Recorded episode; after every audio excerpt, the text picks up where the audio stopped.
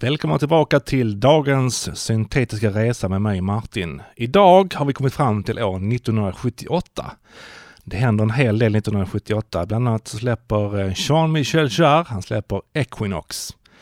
Alla fyra bandmedlemmarna från Kiss släpper varsitt soloalbum. Gloria Gaynor får en jättehit med låten I will survive. Och inte minst så Daniel Miller, en kille från England, han bildar ett skivbolag som heter Mute Records. Och eh, det kommer att få stor betydelse för en grupp som heter eh, Depeche Mode senare. Vi återkommer till det. Eh, 1978 är också året då Kraftwerk släpper albumet The Man Machine eller Die Machine på tyska. Från den skivan släpper man två singlar, nämligen The Robots och The Model. Plattan spelades in i Düsseldorf och producerades av Ralf Hütter och Florian Schneider. Det vill säga de två grundarna av gruppen.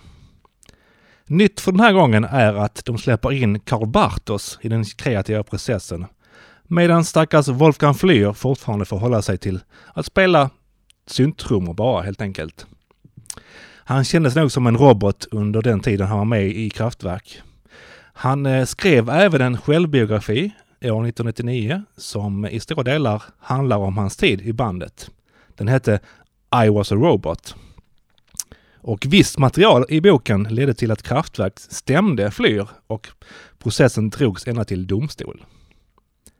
En kul grej med Kraftwerk är att de så småningom låter tillverka robotar som liknar medlemmarna med utbytbara huvuden. En historia eller en skröna är att gruppen lär ha gjort två livespelningar samtidigt med två robotar och två bandmedlemmar. Oklart om det stämmer. Och med det sagt är det dags att njuta av The Robots Radio Edit. Enjoy och på återhörande.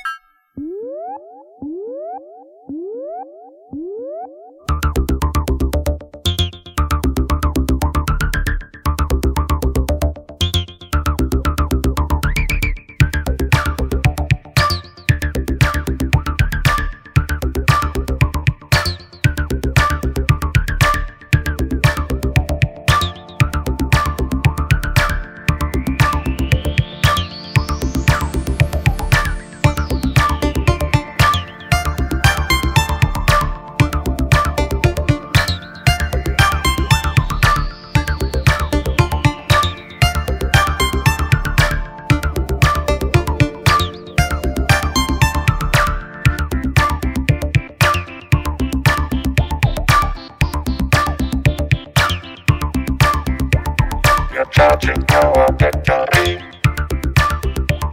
And now we are full of energy. We are the robots. We are the robots.